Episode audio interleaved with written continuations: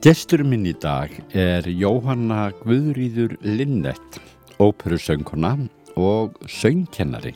Velkomin í þáttinn, Jóhanna Guðrýður Linnett. Uh, Afasýstir þín var Ragnhildur og Björnsson, þekkt persóna á Akureyri. Já, Segðu mig frá henni, var hún tónskáld? nei, hún myndi nú ekki hafa til að sér tónskáld. Hún var uh, kannski fyrst og síðast pianisti þegar að koma músikhlýðinni. Uh, hún reynda starfaði sem kaupmaður, rakk hannirðaverslun Ragnhildur og Björnsson í Hafnastræti 113 á Akureyri. Og þar var ég mikið að skotta sig krakki sérstaklega sumarið 1968, 8 ára gömul þá. Og uh, ég dvaldi hjá henni eh, stóran part sumars það árið og hún tók mig með sér í verslununa og, og áður við fórum og lögðum að stað, við gengum frá Hafnastræti 13 þar sem hún bjó og þetta var svolítið spotti og hún gaf mér alltaf fjallagrassa teman ég með sérstöku hunangi sem hún flutti inn frá Þískalandi. Hún lagði mikla rægt við mataræðið sitt og kendi manni að meta hotlan og, og góðan mat og að lista kokkur og ræktaði sig græmmeti og var svolítið undan sinni kynnslóð þegar að koma mataræði og hugsunarhætti í sambandi við það hvað hún létt onni sig og hvernig hún hagaði sér líka bara í lífinu. En draumar hennar og þrár voru eða hverðust um það að fara í músiknám og uh, hún var komin inn í konunglega konservatóriið í Kaupanhafn þegar stríðið fyrra breyst út. Og það bara var ákveð að hennar fóröldunum að hún færi ekki frekara píanunám en hún hafði lært sko meðal hans hjá Sigurði Birkis og einhverjum fleirum sem ég kannski því miður kann ekki að lefna en hún var hörku pianisti og spilaði mikið undir bæða bíósýningar og leiksýningum. Og um, hún samdi eitthvað eh, af lögum, sönglögum aðalega og ég fekk þann heiður að því að hún gerði það fyrir mig, stelpur skottið að spila, hún, það var svo mikið trít að vera hjá henni, að dvelja hjá henni. Bæði borða hotlan og goða mat og svo kvöldin þá settist hún alltaf í píalóið sitt og spilaði fyrir mig og sjálfa sér náttúrulega. Spilaði Beethoven sónótur sem var bara engu líkt. Hún var einstakur musikant spilaði Schubert og Schumann og Mozart og, og svo stundum eigin lög. Daví Stefansson var mikill vinnur hennar og hún samti gjarnan lög við hans ljóð.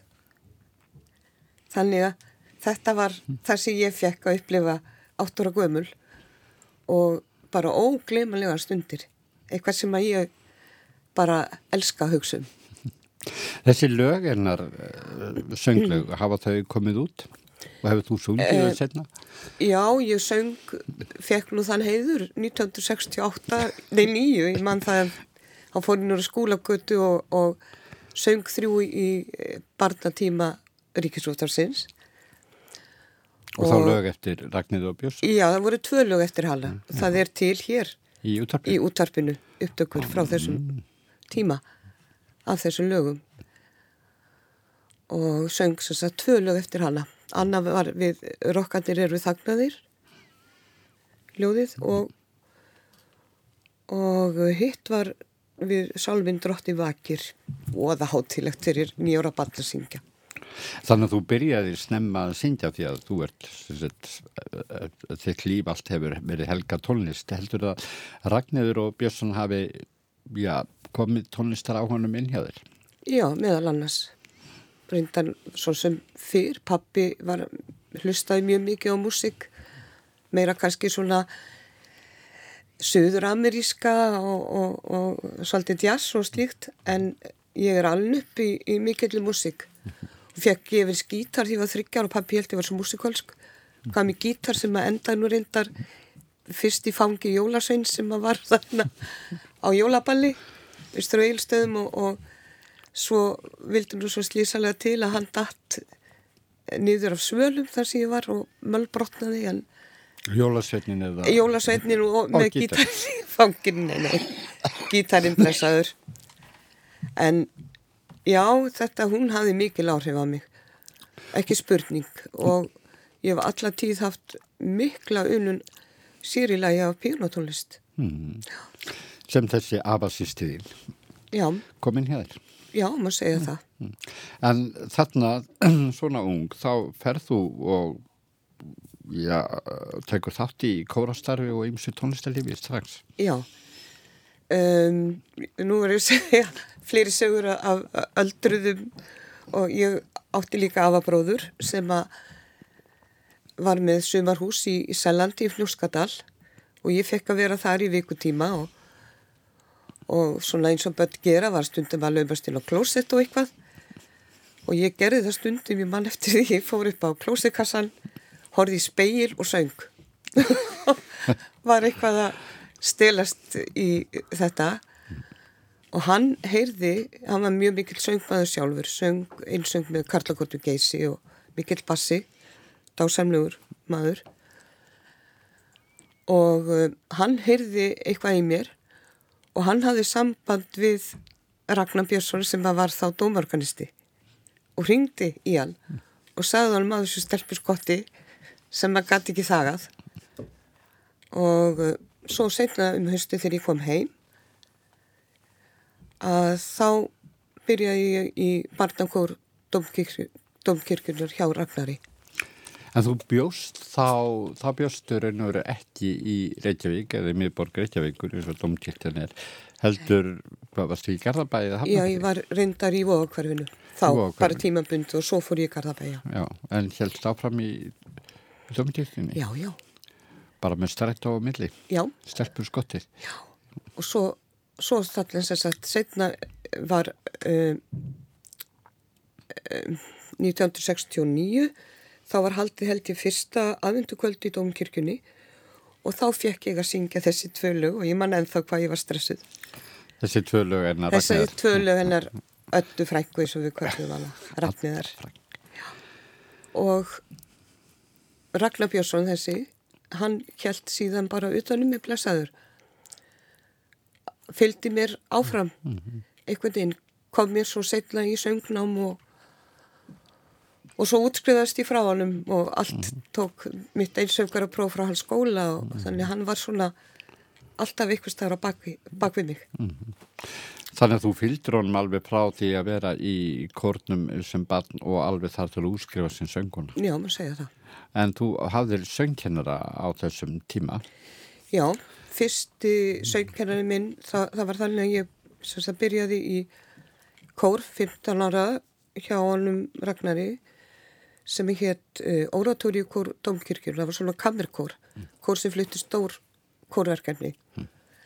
Og fyrsta verkefni sem ég tók þátti var Requiem eftir Cherubini sem er nú ekki oft flutt en afskapla fallegt verk og uh, til þess svona að halda okkur við efni þá var Sigurveig Hjaltisteð, söngkona, hún var fengið sér rattþjálfari og við vorum þannig einhverja þrjár skvísur, 15-16 ára sem að fengum að fara í, í smá tíma og Sigurveig var yndisleg manneski og náttúrulega afbyrð og söngvari.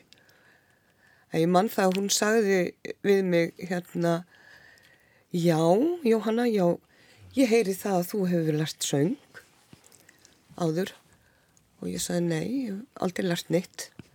Og sagði jú, jú, jú, jú, það því nú ekkert að segja mér það og hafi ekki lært, ég heyri það alveg. En ég hafði ekkert lært náttúrulega og þetta bara einhvern veginn svona kannski verið bara, ég er svolítið góð eftirherma kannski við bara einhvern veginn náði að tilenga mér hljóminn sem ég vissi að var verið að leita eftir. Já, ég skulle segja það. Það hljóma vel. Já, það hljóma vel. En það ekki, jú, hljóma en- samfærandi. En það er svolítið merkilegt að, að þegar nú hafa fólk af ellendum upprunna haft tölvert áhrif á Íslands tónlistalífi í gegnum tíðina. Já, sem betur fer. og alveg ómælt sem við höfum fengið að njóta Já. af fólki sem hingað hefur komið og þú Þú varst nefnandi tveggja slíkra tónlistamanna, Já. Sílindi Kalman og, og Sigurða Demens. Já, Síglindi Kaman kom líklega hingað 75 með sínu manni Sigurði Björnsinni, söngvara, óperu söngvara. Hann reyðist í starfa sem framkvæmtastjóri Sinfoníunar og hún fylgdi með og var þá reyndar mjög aktífur söngvari sjálf og eh, en eitthvað þurfti hún að gera. Hér hefur varla nokkuð tíma verið fastráðun óperu söngvari starfandi þannig að menn hafa mikið leitað í kennslu til að hafa fyrir salt í gröðin og um, Ragnar fór með mig til síklindi og let mér syngja fyrir hana nú andar söðrið, hann sagði að það veri svolítið sjúperslegt lag og hún var tilbúin að taka við mér. Þannig ég byrjaði hjá henni um, hvað? 77, 8 eitthvað svo leiðis og hún kendi þá byrjaði að kenna við tónlistaskólan í Hafnarferði og var líka samtímis eitthvað í söngskólanum. Og svo ríður hún sig engöngu til tónlistaskólans í Reykjavík og kendi þar í mörg ár. Og ég var þar hjá henni í einn fjögur ár. Og hún var bara yndislegur kennari óskaplega skemmtileg og, og afbyrða söngvari sá hann á sviði líka söng með henni á sviði Í, hver, í hver, hvaða verkið sunguðu saman? Við sungum saman í Tjardarsfyrstunni í Íslensk óperunni, það var afburða skemmtileg síning Mm. og hún var mikill humoristi og, og, og var mjög skemmtilegu leikari. Fannst þér hún finna fyrir því að já, fara úr sko úr þessu ríku óperu kú- þessum ríka óperu kúltúr úr mið-Evrópu og hingað norður að hjara að, að vera óperu söngurna sem að hafði töluvert að gera á Já. sínum heimaslóðum og koma svo hingað. Fannst þér fyrir því að, að henni hún tækja það næri sér? Já, ég get alveg ímyndað mér það, ég vil kannski ekki endilega mikið vera að tjá mig um það en, en ég bara, jú, það segir sér sjálft, ég hugsa að það hefði verið talsveg sjokk. Já, það lítur að vera. Já, hún var að syngja, hún sagði, hérna, hún söng með eins og, söngunum eins og Fritz Wunderlich sem að, náttúrulega, einn þekktasti tenor síns tíma og, og bara mitt upp á hald alla tíð. Að hún sagði ég var hans Pamina hún söng með honum í töfraflautinni. Og hún, hún þetta, auðvitað er þetta allt annar heimur hér heldur en þar. Og hún byrjaði að syngja bara 18 ára gömul hún var mjög ung þegar hún byrjaði Og svo hinn listamæðurinn af ellendum uppruna sem kom hingað og raka fjörur Jæja, Sigurður Demens. já, Ástin dróðan hingað Mm. uh, hann var náttúrulega bara þvílíkur auður þessi maður og dásamlegur kennari og yndisleg manneskja yndislegu félagi og bara ég held að við getum fulls seint þakka á honum fyrir allt hans mikla starf hann kendi okkar helstu söngurum meðal hann séu við hjáltisteð og uh, Kristjáni Jóhansinni, Óskari Guðjónsinni, Gunnari Guðbjörnsinni, Guðbindin bróður hans og bara ótalmörgum. Og hann aukaði söngli víslendinga þýlíkt og það er söngskóli starfandi hér sem er kendur við hann, söngskóli Sigurða Demens. Þú lærðir hjá Sigurður, þetta ekki? Jú, og ég fattaði nú einhver tíma bara í fyrra eða eitthvað, ég, svo ég groppi mig enn frekar, þetta er orðið ágætt kannski, en ég er líklega eini nefnendan sem að lauka innsöngur Hvernig, stóða því að voru ekki fleiri sem luku eins það er bara svo dýrt. Það er bara svo dýrt. Já, tónlistaskólar hafa ekki bólumagn til að, að afgreða slík próf eða framkvæma. Og nefndur Það, ekki efna því. það, það þarf að syngja með symfónljónsveit Mm. eða spila. Þannig að þetta er eiginlega aflagt í dag. Já. En hvernig var þessi, þessi voru þessi tónleikar þínir? Útskrifta tónleikar þínir? Þeir voru tvískiptir, uh, annars voru ljóðatónleikar og svo voru tónleikar með symfónljónsveit sem ég söng öll kvellutvirkin úr Porky and Bess. Vá. þannig að það er svona pínu rithmik svona í bland við klassikina sem hefur verið svona þinn aðall líka þú hefur verið rytmi í sönguna. Áður um koma því, Já. þú varst að segja um Borgi og Pers. Mm. Þegar ég sá þig fyrst, já, fyrir óralöngu síðan, ekki segja frá hversu langt það er. Já, það kom ég upp að, Já, já. að þú varst 8 ára 1968. já, Þetta var það kom, svolítið setni það kom skýrt fram. Já, þá fór ég á leiksýningu sem að hérna Flensborgarskóli stóð fyrir og var vaktið nokkuð, þó nokkuð aðtekla á sínum tíma eins konar söngleikur einmitt, Þar vakti aðtekli mín þetta var mjög stór síning, mjög fjölmenn síning já, en það var einu rödd sem ég gleymi aldrei. Og það var rödd Jóhannu Guðriðar Linnett já, þakka ég og síðan hef ég alltaf álitið að Jóhanna Guðriðar Linnett væri já, kontra allt. En ég held Já. þú hafi nokkru sinnum sagt mér í gegnum tíður hún sett það ekki. Nei, nei, en ég held áfram að halda það já, haldu það bara. Því mér fannst þetta svo dimm og fallið rödd, ég er svolítið hrifin af svona dimmum kvennröddum já, var ekki rétt hjá mér, varst ekki að syngja nokkuð djúft þá? Jú, jú Já, ég var að því, þannig að þetta er rétt minning. Já, þetta er rétt minning. Já. En, hver, en hver er þín rattýpa ég er bara lýrisku sopran. Sem er eitthvað allt annað? sem er, já talsvert annað, já. En ég, svona, ég bara það er ætgengt eins og svo margt annað sem við erfum að það er svona svolítið stóra rattir í, í það eru bjartar rattir í föðurættinni klingandi tenorar og sóprunur og svo í móðurættinni eru bassar drinjandi bassar þannig að ég kannski fekk þetta hvort tvekja hmm, ertu með mjög breytt rattsvið? já, Já. Og hvar, hvar viltu helst syngja? Ég vil helst syngja annarkvort frekar hátt eða frekar lágt. Mér finnst já, það er svona henda mér best. En uh, þegar að þú sem sett er búin að ljúka þessu einsöngvara námi hjá Sigurði Demens, já. hvað gerist þá? um, reyndar áður 1984 sem er alltaf að tyggja ykkur um ártölum að þá er haldið hér í Reykjavík söngkáttíð þar sem fengnir eru erlendi listamenn til að leiðbina það voru listamenn á borði Sierra Sousé Ellie Ameling Dalton Baldwin sem er pianisti Ellie Ameling er hollensk söngkona sem að ég var búin að dá að dyrka frá því ég var úlíkur og og söngkona líka sem að, að heiti Glenda Maurice. Og ég fekk að taka þátt í þessari söngkáttíð og syngja. Og uh, þar heyrði ég í fyrsta sinn í vini mínum, Jóna, Jóni Þorstensinni, ég vissi þekkt hann alveg áður en hafði ekki heyrt hann svona syngja formlega mikið og ég reyfst svo af sönglum hans að ég hugsaði með mér oh my, þetta þarna vil ég vera. Eins og hann ég langar til þess að komast í, í skóla og nám þar sem hann hefur verið. Og til sömu kennara. Og uh, hann sem sagt hafði lært uh, mikið út í, eða mestu hluta út í Hollandi, í Amsterdam. Svo ég hérna setti mér sambandið kennaran hans og hún var viljug að taka á, á móti mér. Og við skelltum okkur til Holland sem sagt vinkona mín og ég, Ingveldur Ólafsdóttir.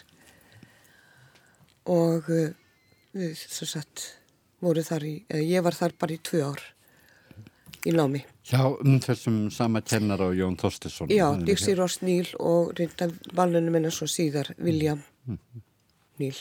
Og þið Ingveldur sem er nú uh, fyrir mútaskona hér líka, móðir Hildar Guðnadóttur, svo því sé haldið til laga. Þið, þið deilið þarna saman húsnæði og uh, söngnámi Já, í Hollandi. voru mikla vinkunur og, og bröllum ímislegt saman og hafðu reynda verið kynst í Hafnefæra kirkju í kór þar, 15 ára og stafnum saman trí og sungum mikið og svo fórum við saman í tólskóli Reykjavík og svo fórum við saman til Holland þannig að við vorum svona svolítið tím í námi.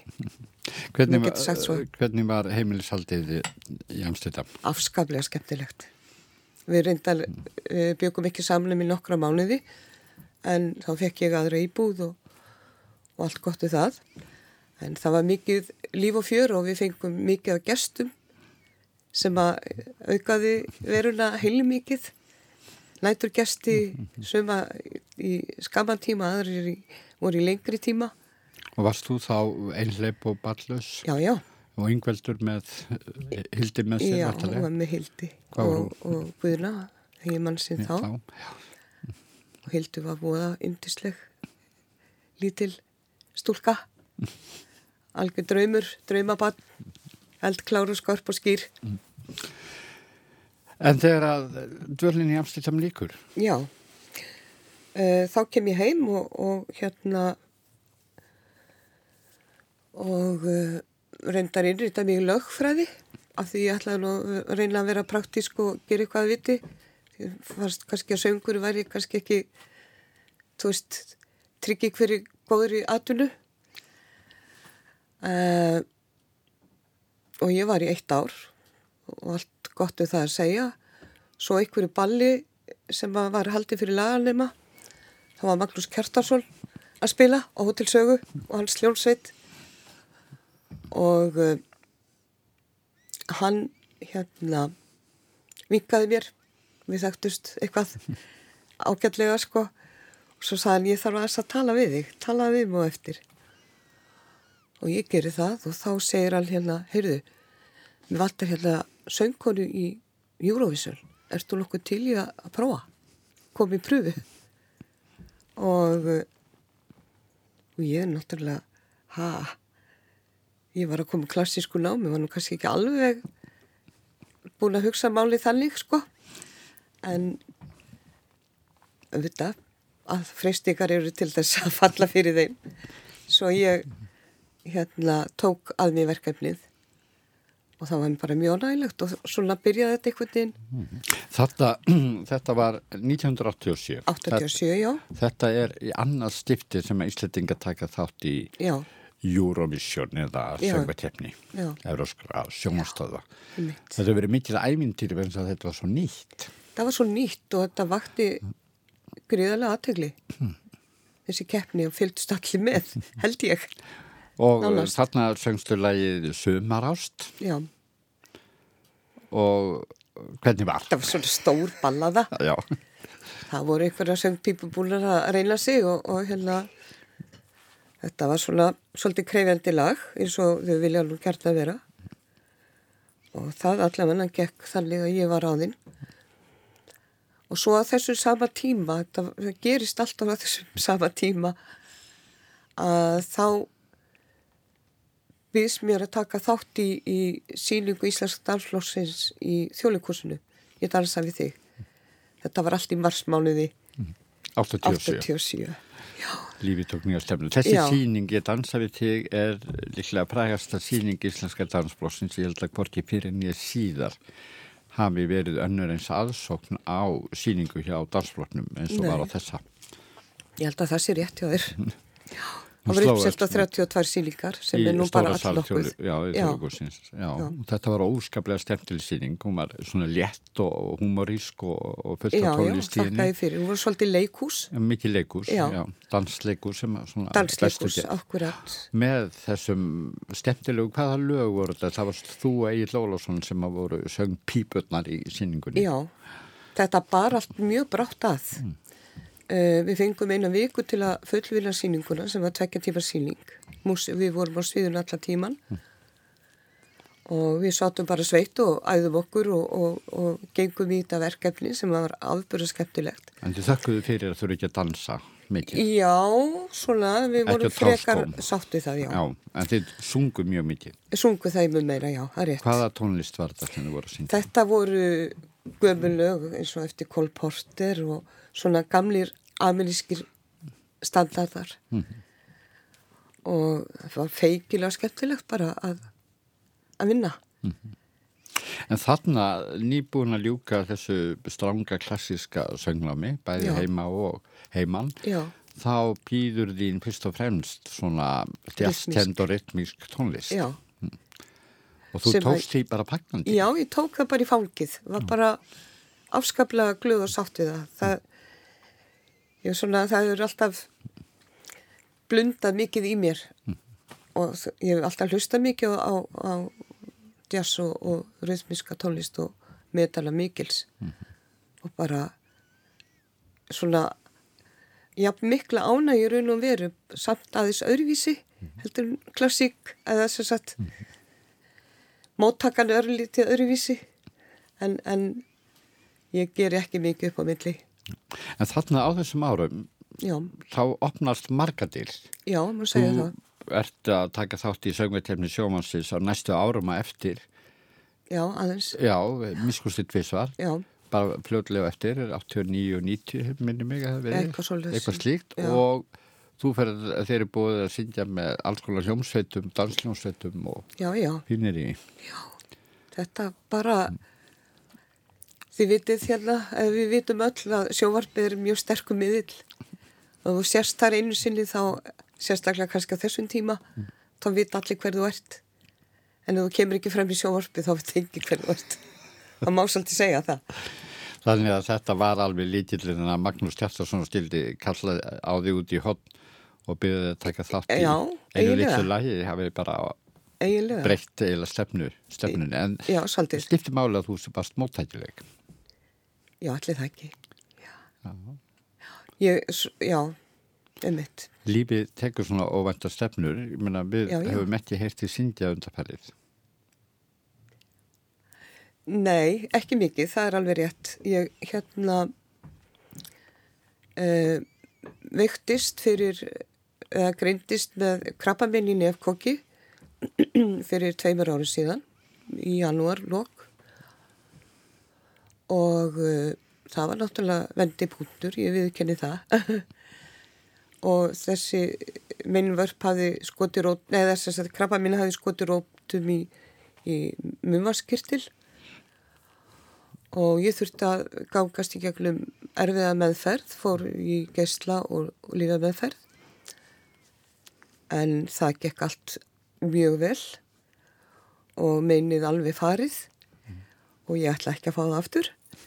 Og, og hérna, en ég er aðeins löskuð eftir meðferðila sem er bara, hún var þung, en ég vona að ég fái röttina að einhverju leita aftur. Að ég er ekki syngjandi í dag. En þetta er, já fyrir söngvara er þetta kannski það krabbaminn sem að fólk vil síst fá sem að vil ekki fá neitt krabbaminn en þetta Nei, nei. er það sem að snertir Þetta var ekki besti staðurinn fyrir mig, ég viðkenni það. Að þú en- vinnur úr því, þú, þú heldur áfram að kenna Já, ég er svo lánsum að, að uh, geta gert það og, hafði, og hef frábæra vinnveitendur. Ég kenni við tvo skóla, tónlistaskóla FIH, þar sem ég er búin að kenna síðan 1988, 32 ár, með smá hlýði. Og svo MIT sem er mentaskóli í tónlist og uh, þetta eru tvær frábæra stofnanir og sem ég þykir afskaplega væntum og það er ekki hægt að hugsa sér skemmtilegri vinnustad. Og hvort er þetta að kenna óperusöng eða rytmiskan söng? Ég er að kenna rithbískarsöng. Ég kendi, ég var einn af þeim sem að stopnaði þennan SS söngskóla Sigur og Demets á sínum tíma og þar kendi ég engöku klassík og svo fyrstu árin örlíti líka við FIH og kom einn og einn klassísku nefandi en flesti voru að sækjast í djarsnám þannig að og það er gríðarlega ásokn í það nám ennþá og verður vonandi áfram. Þannig að það er nóg að gera í því. Að kenna rithmíska söng það er eiginlega bara meiri eftirspurnu heldur en hæ- hægt er að anna Og svona af þessum söngurum sem eru núna hasla sér öll og hafa verið undarfærið, Já. hverju eru þínir söngvarar? Þínir Mínir nemendur? Já, ég á nú einhverja ég hef nú kannski átt að skrifa það niður hluta vera Eh, okkur málkið. já Ragnir Gröndal, minn nefandi og uh, Arnar, hérna, eh, sem Arnur sem er í Agent Fresco og uh, Jónsi. Og uh, í svartu fötum. Og hérna ég, það er einn sem er á því eftir að heyra mikið um og frá Rebecca Blöndal tjársönguna hún er svaka flott og er mikið núna að koma fram á tónleikum og, og, og annars líkt þú veist þetta eru miklu fleiri nefndur ég bara hérna, En er það verið ágætt að vera búin að hripa niður. Ég er svo gömul Já, þú ert líka Ég svo man- margir. Ha? og líka svo margir. Og svo margir. Sem að með 30 hendurnar á ára- þér. á 30 ára ferli þá. Og því afsækið, ég veit ég gleymi öllum sem að ég ætti að nefna. Það er fullt, fullt, fullt af flottum. Nú er einn sem að er að hansla sér vallík sem heitir Jóhanna Elisa skólatóttir einn sem að eftir líka að heyra volandi mikið sem heitir Sigrun Erla ægi, það er fullt af Fullt af- fínum Við skulum ekki byrja að telja upp Nei, er þess það að- nokkuð? Nei. Nei. En hvað myndið þú langa til að gera þegar þú færður röttin aftur? Hvað myndið þið langa til að syngja? Ó, Að að síðasta sem, það síðasta sem ég söng var Músettu valsin og Labohem það var svona já, það síðasta sem ég söng áður en ég veiktist eða sem sagt, já ég var alveg til í að, að taka þá ég upp aftur. Og syngja hana ég, ég bara skal reyna það. Ég skal. Og, og stefni þangað. Og hérna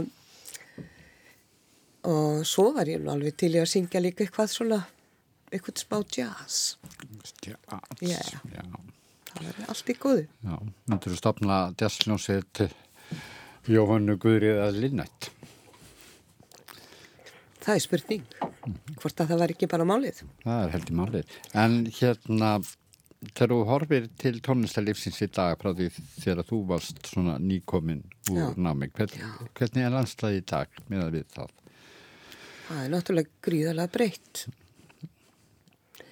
Ég hef ofta að hugsa sko, og segi líka við mína nefndur að þegar ég er í námi og bara það þekkja flestir sko, að þá var svo mikil skipting þá var svo mikil aðgreining. Reyndar hljóðarleikari margir í symfóníun þeir voru að spila allt mögulegt bæði rithmiska tónlist og, og, og klassík og allt það. En söngvarar alls ekki. Og það var alveg bara lagt til að blátt eða, eða já, bara bann við því að að uh, klassísku söngvari verið að syngja eitthvað rock eða pop eða jazz. Það bara þótt ekki annarkvart nógu fínt og bara óholt hættulegt. Og hérna bara bara var alls ekki málið sko. En hérna þannig ég eins og þegar ég var að byrja að stelast að þá var ég ekkert enn til að hafa neitt hátt um það og til dæmis ég alltaf eftir einu símtali sem ég fekk frá Gunnari Þórðarsinni og hann spurði hvort ég var ekki til að gangi í bandi sitt. Og mig langaði svo rosalega en hann um að gefa smá umhengsunafrest og svo hringdi ég hann og saði því miður ég gæti það ekki. Þá þorði ég það ekki var þetta um- hljómsveit þetta- sem var að spila á stemtistæðin? Já, Brótvei Já, og ég var svo hrættum að vera sett þá bara í hérna hópin poppari eða þú veist, ég fengi þá ekkert að gera í klassikinni þannig að ég ákvaða að hafna því. En í dag myndi ég ekki hugsa með tvisarum þá myndi taka þetta faglandi fangið og segja já takk. Ég hef gert hvort syngja en það gæti það líka alveg, hefði gett að gert það. En bara afstafa var bara öðruvísi en í dag þá er verið að riðja þessum múrum og volandi bara brotna þeir algjörlega. Og þeir eru á góðri leið með það. Eins og þú taldir hérna upp á þannum þá sem að hafa verið í söngnámi hjá þér, svona nokkuð dæmi, þá er þarna fólk sem að er að syngja í allt örum gæra heldur en í klassísku sögnum, Já. fólk sem sæti sem mentun já, í söngmentun í, til söngvara sem að hefur klassískan bakgrunn svo það Já. segir nú tölvöld mikið. Já, já. Kanski verður líka að segja það að, á tímabili þá var svo sem ekkert annað í bóði því að það var engin full mentaður rytmisku söngvari. Þetta er svo ný grein. Og uh, hann er að en í dag er þetta breytt og núna til dæmis uh, eru við listaháskólan uh, hvað er það, tvær eða þrjár sem, tveir eða þrjú nefndi mínir sem eru einmitt í, í, í námi þar að, sem sagt, kennaranámi í rytmiskum söng. Jóhanna Guðriði Linett, það er komið að lokum þáttanins. Takk fyrir að vera gestur í dag. Takk fyrir, ég ætla að segja svo miklu, miklu meira.